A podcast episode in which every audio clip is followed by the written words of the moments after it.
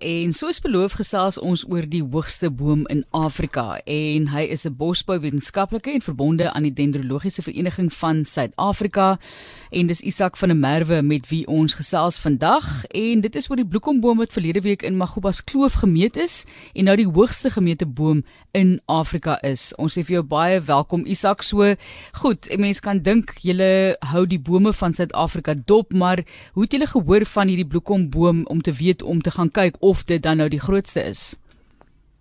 Uh wel, ons het uh nominasies wat wat ons ingekry het. Dit hierdie kampioenboom projek word bestuur deur die departement van uh bosbou, visserye en omgewing. Um en die bosbou tak het het al reeds uh, uh amper 18 jaar gelede met die met die projek begin en van toe af is daar nominasies ingestuur en hierdie bome was uh in Magubas Kloof um, op die Magubas Kloof staatsbos um, is 'n besondere stand van bloekombome wat baie hoog is en wat uh, uh, in 1906 geplant is deur 'n bosboupionier. En sy naam was uh, uh, AK Eastwood. En uh, hierdie was 'n nominasie gewees, so ons kry ons het die nominasies gekry, dan het ons 'n paneel van uh experts wat ons help om die, die nominasies te gaan uh en dan maak ons 'n kortlys en toe het ons hulle verklaar. Uh ek dink om en by 2002 daaroond het ons hierdie bome as kampioenbome verklaar. Um maar hulle was baie moeilik om te meet.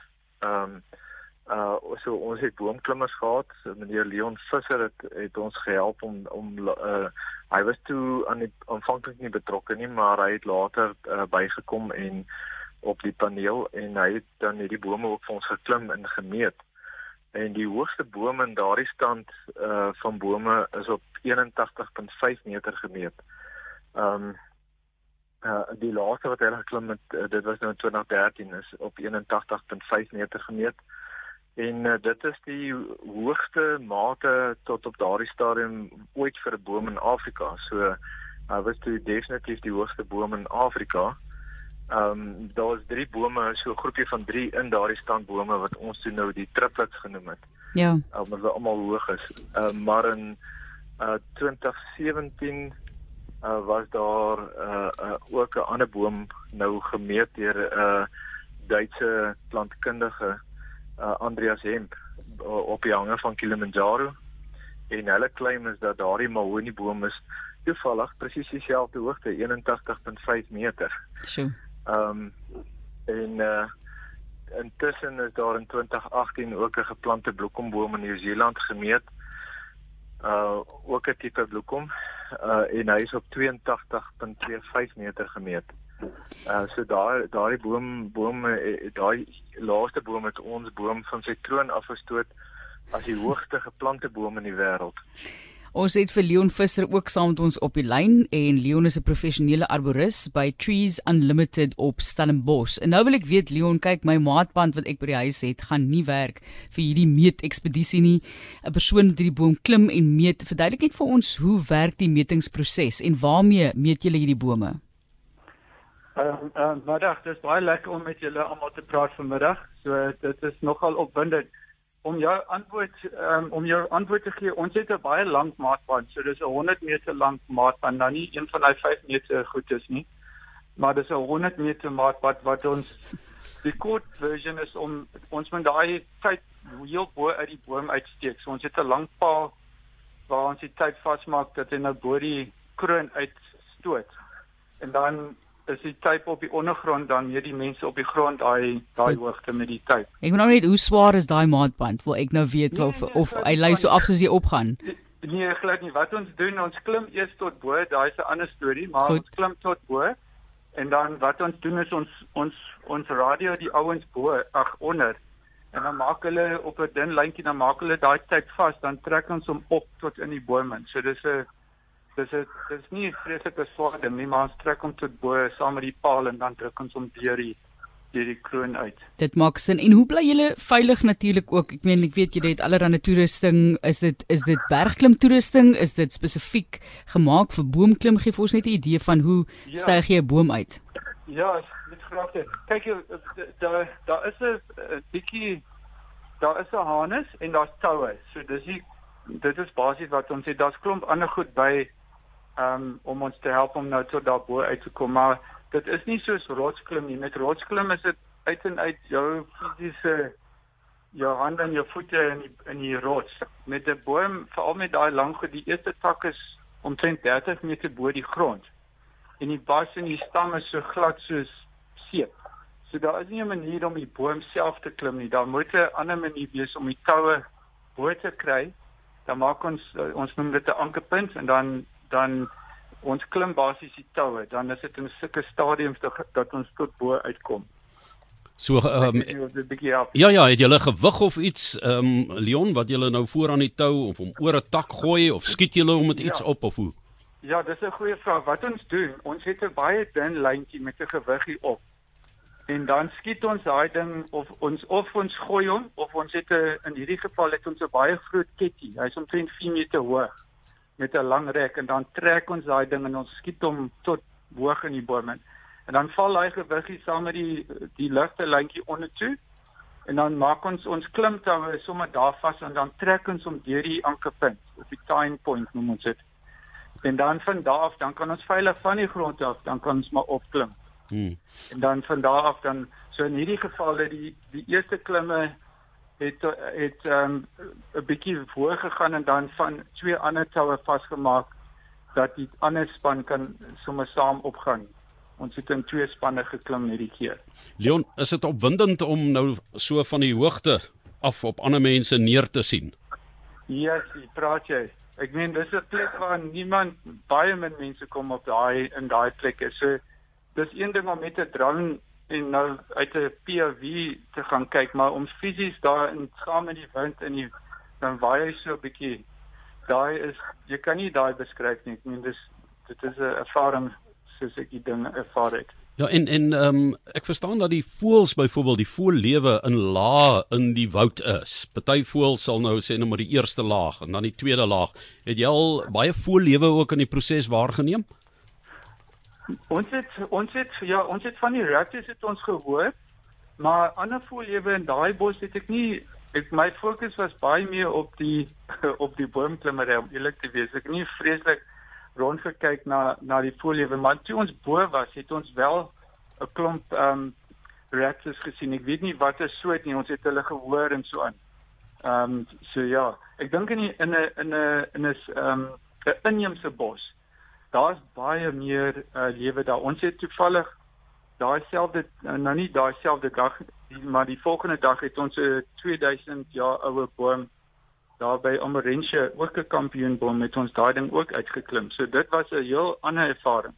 So nou nie so hoog nie, was omtrent 40 meter hoog, maar 'n verskriklike ou boom. Heeltemal 'n ander ervaring. En daar was baie voëls en daar baie ander lewe daar. Is is daar Guinness Book of Records uh, boomklim, hoogste bome klim? Kwalifiseer jy? Het jy of hoe? Ja, as jy dit so gegoogel nou die die hoogste geplante bome is deur die deur die Nieu-Seelanders um, met hulle daai rekord um, aangeteken. So ons boom is nou dis hulle het 82.25 gemeet. Dit was in 2018 dink ek iets so gesê. So ons boom is nou 83.7 meter. Hy's nou amptelik hoër as daai, maar dis nog al 'n storie om nou 'n Guinness World Record amptelik gekry. Daar's allerlei ehm um, protocols wat hulle wil hê voordat jy nou daai kan aanmeld as 'n as 'n Guinness Book Record. So dalk sal ons maar net weer uitklim. Dis al.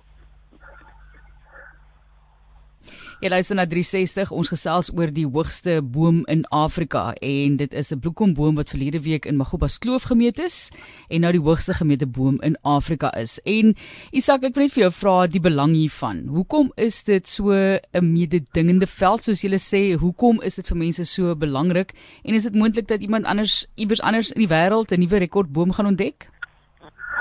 Ehm um, ja, wel die die die wêreld van Guinness uh, uh rekords en uh, selfs met boomrekords is is redelik mededingend.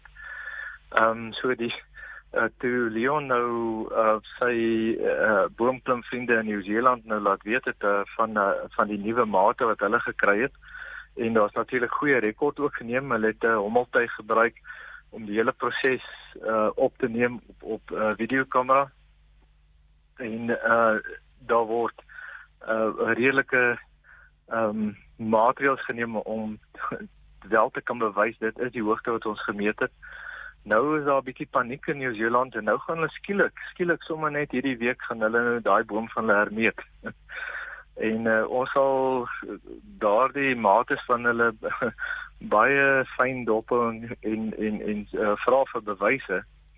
Ehm uh, maar uh, en so het ons ook natuurlik dikste bome uh ehm uh, Suid-Afrika die tweede dikste boom in die wêreld en dit is die Krimitat uh, daar in Wendeland Sagoli.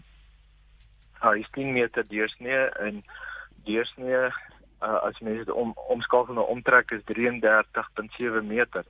Uh geweldige dik boom maar die dikste een is is net 'n kort kop voor hom is is in in in, in Mexico die tule boom uh, Mexicaanse citrus. Nou ja, so gaan dit nou maar met die dikste bome en die hoogste bome en die oudste bome dat uh, elke land wil nou graag die grootste en die beste hê en die ouens wat klim wil graag rekords opstel so daar is 'n redelike mededinging. Maar vir my is dit gesonde mededinging. Ehm um, waar ons wen daai daar is groter bewusmaking van bome van die bome se grootsheid. Ehm um, en dit is positiewe nuus wat 'n mens wat 'n mens aflei van al hierdie ander dinge uh, die probleme in die wêreld. En uh, dit dit maak mense bewus van bome en hulle grootsheid. Ja, is my interessant nou die hele stryd van Nieu-Seeland en Suid-Afrika. Dit dalk iets met die rugby te doen. Ons het hulle mos nou in die tweede posisie daar ingedruk toe ons die skotte gewen het en hulle verloor het. En uh so dalk voel hulle nou so so 'n bietjie hulle moet nou weer iewers in die eerste posisie kom. En uh, hulle was ook tweede in die T20 Wêreldbeker Kampioenskap in Australië. So ja, hulle hulle hulle hulle soek 'n eerste plek. So julle moet maar nou mooi kyk daar. Maar ehm um, Isak, is daar nie woude onontdekte woude in die wêreld? Kyk, praat van toeganklikheid. Ek meen jy, jy sê mense kan nou met die hommeltuig, die drone tegnologie kan jy oor baie plekke vlieg en so, maar jy kan nie altyd tot heel onder, jy weet by die by die aarde gaan nie. Ehm um, so ek neem aan daar is waarskynlik 'n paar juweeltjies nog, né, op die aardbol. Uh, ja, absoluut. Ehm um, die aarde is redelik dig bevolk oor groot dele, maar daar is nog uh plekke waar mense nog nie eintlik gekom het nie. Uh klein plekke hier en daar wat weggesteek is, net soos die boom wat Andreas Hemp nou ontdek het daar in op die hange van Kilimanjaro en ek is seker daar gaan vorentoe wel hier en daar nog nog bome ontdek word, maar wat die hoogste geplante bome aanbetref, ehm um, die mense weet ten minste waar is die bome geplant. So daar glo ek nie sal ons sommer 'n maklike verrassing kry nie. Ehm um, wat hoogste natuurlike bome of grootste natuurlike bome aanbetref, ek dink uh vorentoe kan daar dalk nog wonderlike ontdekkings wees. Ons sal beslis uit 360 se ateljee uit dit dop hou en uh, die groei van bome in die wêreld, die hoogstes, die uh, dikstes, daai een wat 33 meter in omtrek is. As jy 3 keer om hom geloop het, het jy 100 meter gehardloop. Jy weet dit is dis fenomenaal. Uh is fantasties. Leon, ek het tog vir jou gevra wat swat hou om so so 'n boomklimmer te word. Ja, dis 'n uh, my daar is ehm um, ervaring is belangrik. Ek het ehm um, ek is in hierdie besigheid vir omtrent 20 oor die 20 jaar nou. So ek het nie 'n amptelike kursus gedoen nie. Ehm um, maar daar is van hulle veral oor see. Hierso het ons bietjie min. Ons het nie 'n baie boomryke land in daai nie. Maar ehm um, ervaring en 'n bietjie opleiding is nogal belangrik anders te gaan jy uit die boom uitval. Ek kan dink dat studente wat jy weet in die plantkunde studeer en in bome belangstel graag so 'n ekspedisie saam met jou wil meemaak om 'n bietjie in die bome te gaan klim en en dit eerstaan so te ervaar, né? Ja, ons het wel ehm, 'n um, paar kursusse vir ander mense aangebied vir canopy navorsing en sulke goed so. Ehm um, ja, dit is iets wat ons ook doen. Baie dankie, so interessante wêreld. Dis Isak van der Merwe, Bosbou Wetenskaplike Verbonde aan die Dendrologiese Vereniging van Suid-Afrika wat met ons gesels het en Leon Visser, professionele arboris by Trees Unlimited op Stellenbosch.